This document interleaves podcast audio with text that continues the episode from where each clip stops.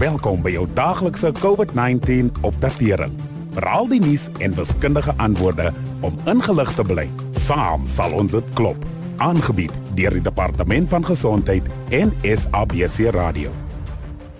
Hoewel die aantal weeklikse sterfgevalle as gevolg van COVID-19 steeds besig is om af te neem, is Suid-Afrika definitief nog nie van die virus ontslaan nie.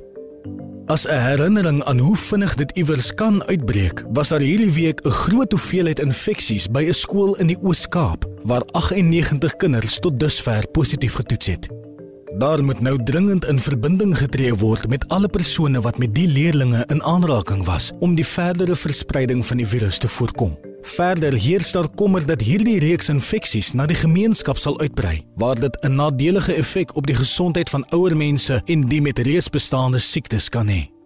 Berigte van 'n groot aantal begrafnisse waar die voorgeskrewe vereistes nie nagekom word nie, het ook daartoe gelei dat die regering gemeenskappe gemaan het om die reëls na te kom en te verhoed dat daar nog sulke nuwe gevalle uitbreek.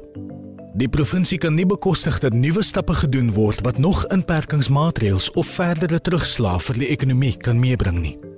Dit is noodsaaklik om toegang tot akkurate data te hê indien ons die verspreiding van die virus wil beheer en sekondêre gevalle wil voorkom. Ongelukkig word daar baie fopnuus en misleidende inligting met die publiek gedeel wat geensins van hulp is in ons stryd om met die virus saam te leef nie.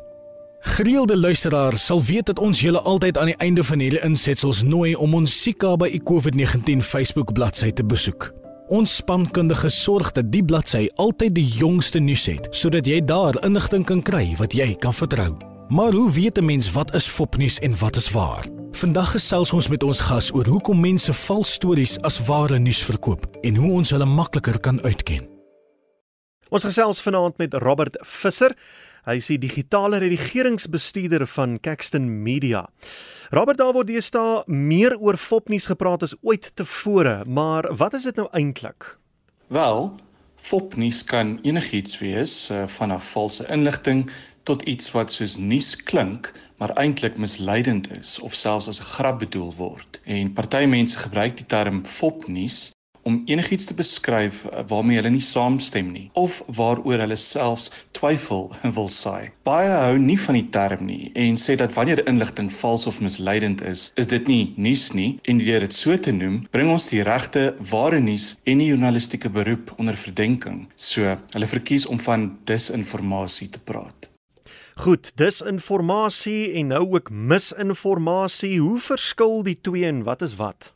Misinformasie met 'n M is wanneer jy per ongeluk vals of onakkurate inligting weergee. Soos ek sê uh, dat ons demokrasie in 1998 in plaas van 1994 begin het, is dit misinformasie. Dit is verkeerd, maar ek het dalk net 'n fout gemaak. Dit beteken nie noodwendig ek probeer mense mislei nie en dan disinformasie met 'n D.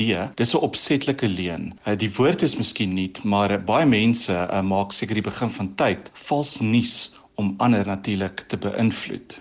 Oor die groot vraag is hoekom, Robert, hoe baat mense daarbey om leuns as die waarheid te verkoop?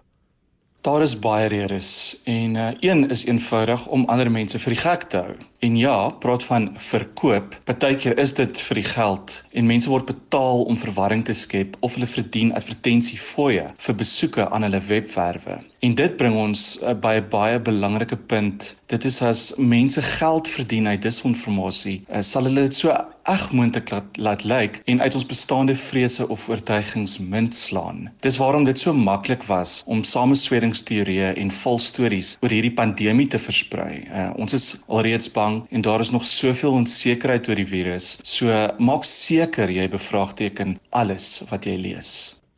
Kan jy vir ons so 'n paar voorbeelde gee?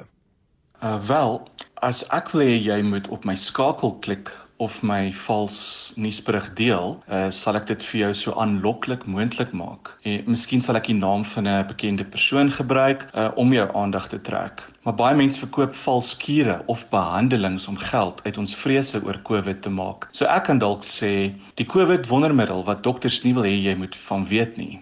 En dan sommige disinformasie het politieke of rassistiese motiverings. Ek weet het jy al 'n storie gesien oor 'n politikus wat iets dom kwyt geraak het? Ja, partykeer sê mense eenvoudig dom goed, maar ons kan besluit om 'n opskrif te deel net omdat dit lyk asof dit ons persoonlike oortuigings oor 'n groep mense bewys. As jou eerste reaksie is, ja, nes ek gedink het, stop eers en kyk voordat jy dit aanstuur.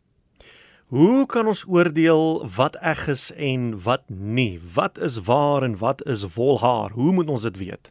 Dis belangrik om skakels en teks te lees, nie net die opskrifte nie. So vra wat jy jouself kan vra is: Is dit 'n nuusbron wat ek ken en respekteer? Wie het dit geskryf? Lyk hierdie foto eg? Lyk dit asof die berig se inligting regtig in die land gebeur het? Is dit duidelik wanneer dit gebeur het? Klink dit soos nuus of is dit bloot sensasioneel?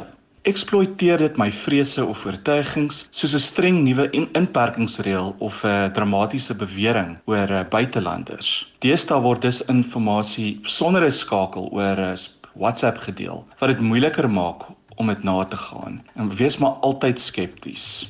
En die vinnigste manier om iets te kontroleer is om die opskrif of mees opvallende aanspraak te gaan opsoek op Google byvoorbeeld. Uh soos jy kan gaan soek kan suurlemoensap COVID genees. Die soekresultate sal gou vir jou wys as dit vals is. Dit mag dalk baie eenvoudig klink, maar in ons daaglikse ervarings met hierdie tipe situasies kan mens vinnig sien hoe seker is steeds enige iets glo en deel wat hulle lees.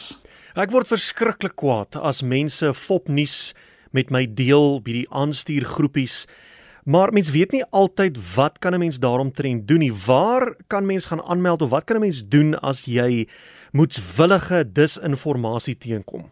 So jy kan disinformasie aanmeld op 'n uitstekende webwerf wat deur Media Monitoring Africa bestuur word. Hulle webtuiste is www.real411 www.rsg.org of kontak hulle 'n uh, WhatsApp lyn. Ek lees vir die nommer, dis 067 966 4015. En om enige verdagte inligting te kontroleer, kan jy ook Africa Check se webwerf besoek by africacheck .org.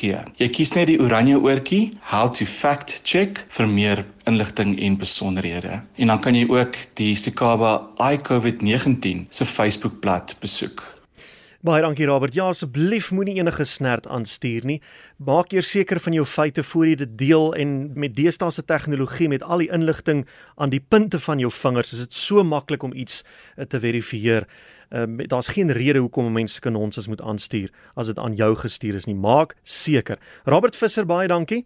Digitale redigeringsbestuurder van Caxton Media. Jy kan weer môre by ons aansluit dan is dit erfenisdag en dan gaan ons bespreek hoe om ons kulturele sterkpunte te gebruik om deur krisisse te kom. Dankie dat u geluister het na die daglikse COVID-19 inligtingstuk aangebied deur die Departement van Gesondheid en SABC Radio in samewerking met die Solidariteitsfonds. Wees veilig, bly gesond. Saam sal ons dit klop. Suid-Afrika